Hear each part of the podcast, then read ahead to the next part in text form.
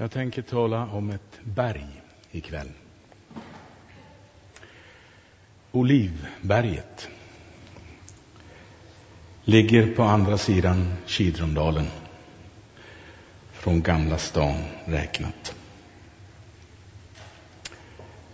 Det står i Apostlagärningarna, första kapitlet, vers 12 så här. Då återvände de till Jerusalem från det berg som kallas Olivgårdsberget och som ligger bara en sabbatsväg från staden. Då återvände de från Olivgårdsberget. Olivberget reflekterar ljus. Olivberget är en källa till ljus. När de judiska rabbinerna talar om Olivberget så talar man om Olivberget som de tre ljusens berg. Ni ska få med er tre ljus hem ikväll. Det första ljuset som rabbinerna talar om är morgonljuset. Är du i Jerusalem och inväntar gryningen så ser du först gryningsljuset över Olivbergets horisont. Så säger rabbinerna, Olivberget ger oss hopp om en ny morgondag. Alltså det är hoppets berg, ett berg som vittnar om att en ny dag är i gryning. När Jesus kommer till Jerusalem för att lida, dö och uppstå så kommer han över Olivberget. Han kommer precis på samma håll där solen går upp. Han kommer ridande för att ge världen Berget reflekterar ljus. Lärjungarna återvände från Olivberget när Jesus var upptagen till himlen. Jesu lärjungar skulle vara reflexer av hopp. Man hade mött honom, man hade levt med honom som har låtit livet bryta fram på nytt. Och nu återvänder man för att vara reflex, en återsken av hopp. Kung David gick en gång på andra hållet. Han gick mot öster, utifrån stan Hans son Absalom hade gjort uppror och David fick fly från Jerusalem. Han hade förlorat hoppet. Då står det att Kereter och Pelleter följde David upp mot krönet på Olivberget. Därav har vi vårt svenska talesätt kreti och pleti, det kommer faktiskt från den versen. Alltså allehanda slags människor David hade förlorat hoppet och gick gråtande och alla slags människor följde honom. Så kommer Jesus, Davids son, i ett längre perspektiv, men också Guds son. Han är trogen sin far till det yttersta och han kommer med hopp för kreti och pleti, för människor av allehanda slag. hopp. Det sägs att i snitt i var 25 vers i Nya testamentet så talas det om framtiden. Det längsta tal Jesus håller är talet om framtiden. Tre dagar innan han ska lida och dö, vad talar Jesus om? Framtiden. Det finns en öppning framåt. Precis som fågeln vet när man anar gryningen. Hoppets ljus, det är det första ljuset på Olivberget. Det är ett ljus som vi alla behöver se idag. I den tid vi lever, i den värld vi lever, där så många människor saknar hopp. En av de vackraste titlarna på Jesus. Det kan ju vara ett bibelstudium om ni vill. Det finns ju mängder med titlar. Det finns faktiskt en sån här app. iPhone är ju populärt numera. Och så har man appar i iPhone. Det finns en sån där applikation som man kan lägga i sin iPhone. Så man får ett nytt namn, en ny titel på Jesus varje dag hela året. Det räcker alltså till. En av de vackraste. Den vi har i Apostlagärningarna 3.15. Den är översatt lite olika. Nu i Bibel 2000 så står det Vägvisaren till livet. Men jag gillar de engelska översättningarna bättre. De har vanligtvis The Originator of Life or The Pioneer of Life. Det är nog den jag tycker bäst om. The Pioneer of Life. Han som bröt ny mark för livet. Det är honom som lärjungarna är reflex ifrån. Det är det första ljuset, hoppets ljus. Det finns en framtid. Det andra ljuset på Olivberget, det är kvällsljuset. Det ser vi inte idag. Man såg det på Jesu tid. Nämligen idag så är ju tempelplatsen eh, då på andra sidan Olivberget och på Jesu tid så stod ju inte en klippdom som det står där idag, utan då stod det tempel. Klippdomen som vi ser där idag är 35 meter hög. Herodes den stores tempel som stod där på Jesu tid var 50 gånger 50 meter i fasaden. Alltså 15 meter högre än klippdomen. Det var marmor och guld. En enorm reflektor. När solen gick upp så lär man inte ha kunnat hålla blicken på tempelfasaden för att den reflekterade morgonsolen så starkt. Framför denna fasad så låg brännofferaltaret. Det var också ett rätt stort bygge. Om vi tar de mindre måtten som finns i, i Mishna så var det 16 gånger 16 meter i kvadrat och 5,5 meter högt.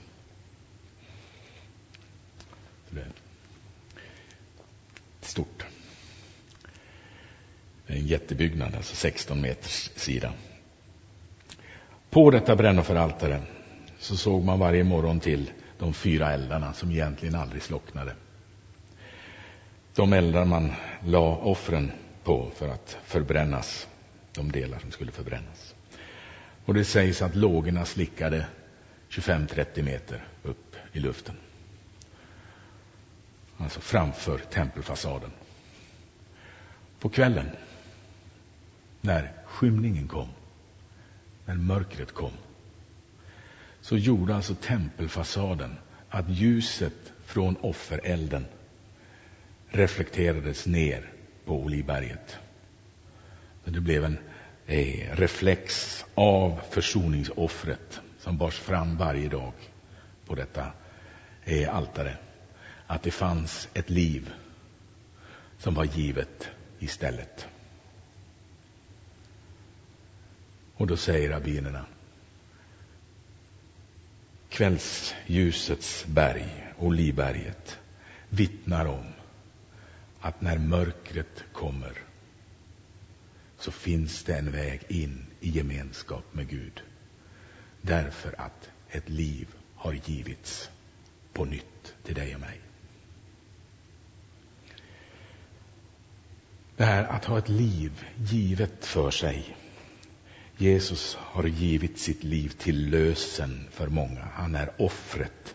Lärjungarna hade fått vara med i Jerusalem fått följa Jesus, fått se hur han och erfara vad det innebär att förlora honom i döden, men också fått uppleva att få möta honom i det stängda rummet, att få se hans sår. Och så få inse att detta har han gjort för oss. Varje gång jag sätter på mig mina motorcykelkläder, jag älskar att köra motorcykel. Varje gång jag sätter på mig mina skinnkläder så inser jag detta faktum. En annan levande varelse har gett sitt liv för att jag ska få skydd när jag kör motorcykel. Det enda sättet att göra skinnkläder. Det finns inget annat sätt att få det skyddet. En levande varelse måste ge sitt liv. Det är ju här vi i Bibeln har första antydan till det Jesus gör.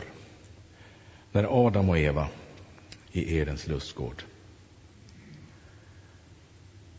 har ätit av kunskapens träd, det träd man inte fick äta av, så står det att då öppnades deras sinnen, deras ögon, och de såg att de var nakna. Alltså ett bildspråk för att de insåg livet är tomt. Man hade inget att skydda sig med. Och man försöker dölja det där bakom en vacker yta. Man tar fikonlöv. Ni kan berättelsen, tror jag. Man tar fikonlöv för att försöka täcka nakenheten och så springer man och gömmer sig. Då vandrar Gud i lustgården och så frågar han, människa, var är du? Det här är ju Bibelns grundfråga. Egentligen hela syftet med att vi har Bibeln. Att Gud frågar efter dig och mig som människa. Jag är helt övertygad om att Gud såg var Adam och Eva satt och tryckte. Den allseende guden, det är ett, han, ett av hans namn. Men han säger inte Adam och Eva, jag ser dig bakom busken. Nej. Han säger Adam, var är du? Han avslöjar inte, men han ger möjlighet för människan att tala om var man finns. Att vara efterfrågad, det är att ha ett värde. Människor idag, oerhört många människor, känner sig inte efterfrågade. Och då känner man inte att man har något värde. Livets Gud frågar efter dig och mig. Men det är upp till dig och upp till mig att svara. Och i den här berättelsen i Edens lustgård så kommer sedan motorcykelkläderna om ni så vill. Och då står det att Gud gjorde kläder av skinn för människan att klä sig med. Här har ni den första antydan till Alltså offret, det här till lösen, offret som ska lösa ur döden. Att en annan varelse får ta konsekvensen på sig. Jesus tog konsekvensen på sig och livet bröt fram. Se här är mina händer, se här är min sida. Och Thomas säger min Herre och min Gud. Olivberget reflekterar försoningen. Reflekterar att det finns en väg tillbaka till livets Gud som vill låta livet flöda fram i ditt och mitt liv. Det finns alltså inte bara det finns också liv. Det är morgonljuset, det är aftonljuset. Och så har vi det tredje ljuset. Nu är det inte en reflex längre, utan nu är det en källa. Nu är Olivberget en källa, en bränslekälla till ett tredje ljus. Och det är tempelljusstakens ljus. Olivberget, som namnet eh, säger, ett berg som alltså hade, var en enda stor olivodling, eller Olivgårdsberget som det står här. Man skördade oliver då som man gör nu. Man, när de är mogna så lägger man dukar under olivträden och så skakar man träden så alla oliver rasslar ner på de där dukarna och så samlar man ihop dem och så lägger man dem i en stenkross. Var gjorde man det här någonstans på Olivberget? Jo, man gjorde detta i ett semane. Ordet Getsemane, där Jesu lidande börjar, betyder olivpress. Alltså här tillredde man oliverna som man skördade på Olivberget. Och man pressade i flera steg. I fyra olika steg pressar man oliverna. Och den första pressningen, som gav den finaste oljan i ett semane, den oljan var avskild för att ge bränsle till tempelljusstaken. Fick alltså inte användas till något annat. Den oljan kallas idag, men den kallas också på biblisk tid, inte för den första oljan. Vad står det på olivoljeflaskan när du handlar den i affären? Virgin oil, jungfruolja. Jungfruoljan i ett semane var helig. Här börjar Jesu lidande. Här blir han förrådd. Han som är född av en jungfru. Och han gör ett verk som är heligt och består inför Gud. Han öppnar för en full och hel gemenskap med Gud för dig och mig. Och tempelljusstaken, menoran som den kallas, den sjuarmade ljusstaken, var smidd som ett mandelträd. Mandelträd är oerhört vackert. Har ni sett ett mandelträd i blom så har ni sett ett vackert träd. Det får man bara sjuder av liv. Det är det första trädet som slår ut i Israel, som vittnar om det nya livet. Och därför kallar rabbinerna mandelträdet för väckelsens träd. Alltså nu bryter det nya livet fram. Och mandelträdet stod då i det heliga, framför det allra heligaste. Det fanns ju två rum inne i templet, det heliga och det allra heligaste. Och framför det allra heligaste stod tempelljusstaken, smidd som ett mandelträd, som vittnar om att det Gud har sagt, det sker. När Jeremia får höra att han ska bli profet, han kallas i första kapitlet i Jeremia bok, så står det att Jeremia ser en gren av ett mandelträd. Och så frågar Gud honom, vad ser du? Jag ser en gren av ett mandelträd. Ja, säger Gud, du har sett rätt, för jag ska vaka över mitt ord. Det här är det som kallas för assonans, ljudlikhet. Shaked är mandelträd, shoked är vaka. Om vi ska ta lite hebreiska kunskap. Alltså de ljuder lika. Så Jeremia såg Shaked och tänkte Shoked. Mhm. Shaked, ja, Gud ska Shoked. Om vi ska ha någon parallell på svenska så skulle vi kunna förflytta Jeremia till en svensk inlandssjö under vintertid. Där han knallar runt med sina sandaler och så kommer Guds ord till honom. Vad ser du Jeremia? Och så säger Jeremia, jag ser en vak. Ja, du har sett rätt för jag ska vaka över mitt ord. Där har ni samma poäng. Alltså, ljudet på en sak väcker tanken på nästa. Mandelträdet kom härav att stå som symbol för att det Gud har sagt, det vänder inte tillbaka förrän det har verkat vartill han sände ut det. Han lät sitt ord personifieras i Jesus Kristus. Och ordet blev människa och bodde bland oss.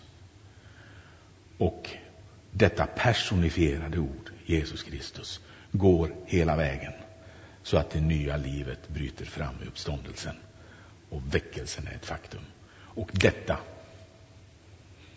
symboliseras av den sjuarmade ljusstaken som står för helheten. Detta har alla människor rätten att få höra. Att det finns liv för livstörsten.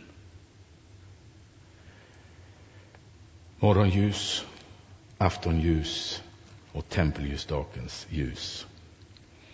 Amazonfloden är världens, en av världens största floder. Jag vet inte om den är störst, kanske till och med.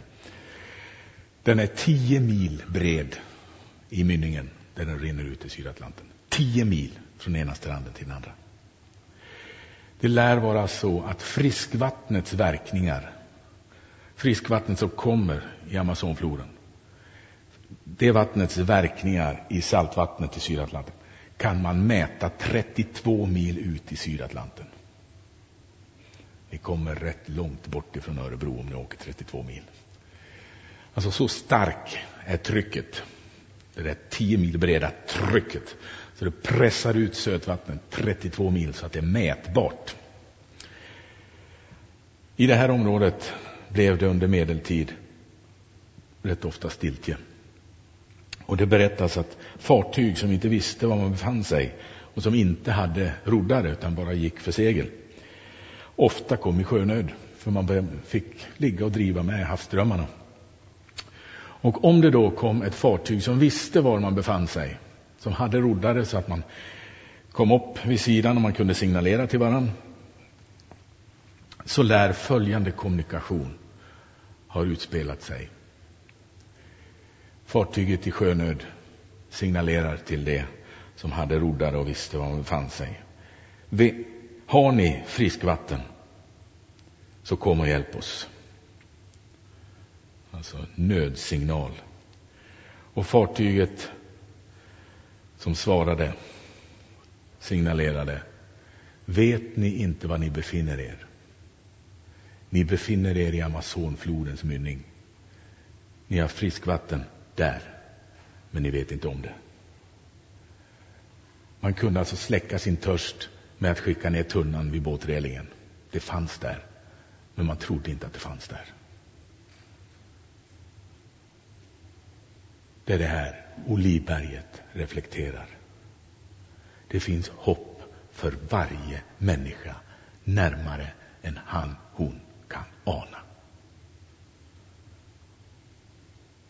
Och det är vår uppgift som kyrka, som församling, att berätta det.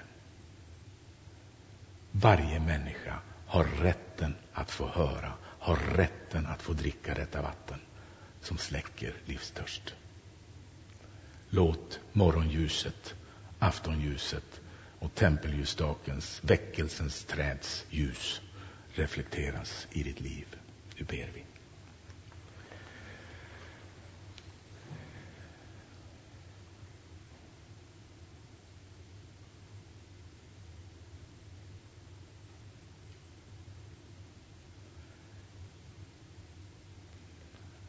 Herre, du ensam vet var var och en av oss befinner sig just nu. Du ensam vet vad var och en av oss bär på i vårt inre. Av sorg, av längtan, av glädje, av besvikelse, av aggression, av sår. Tack för att du är känd. Du känner oss. Och Herre, jag ber dig att vi alla skulle få svara utifrån oss själva. Här är jag. Så att ditt ljus, hoppets ljus, försoningens ljus och livets ljus får möta oss där, mitt i vår längtan.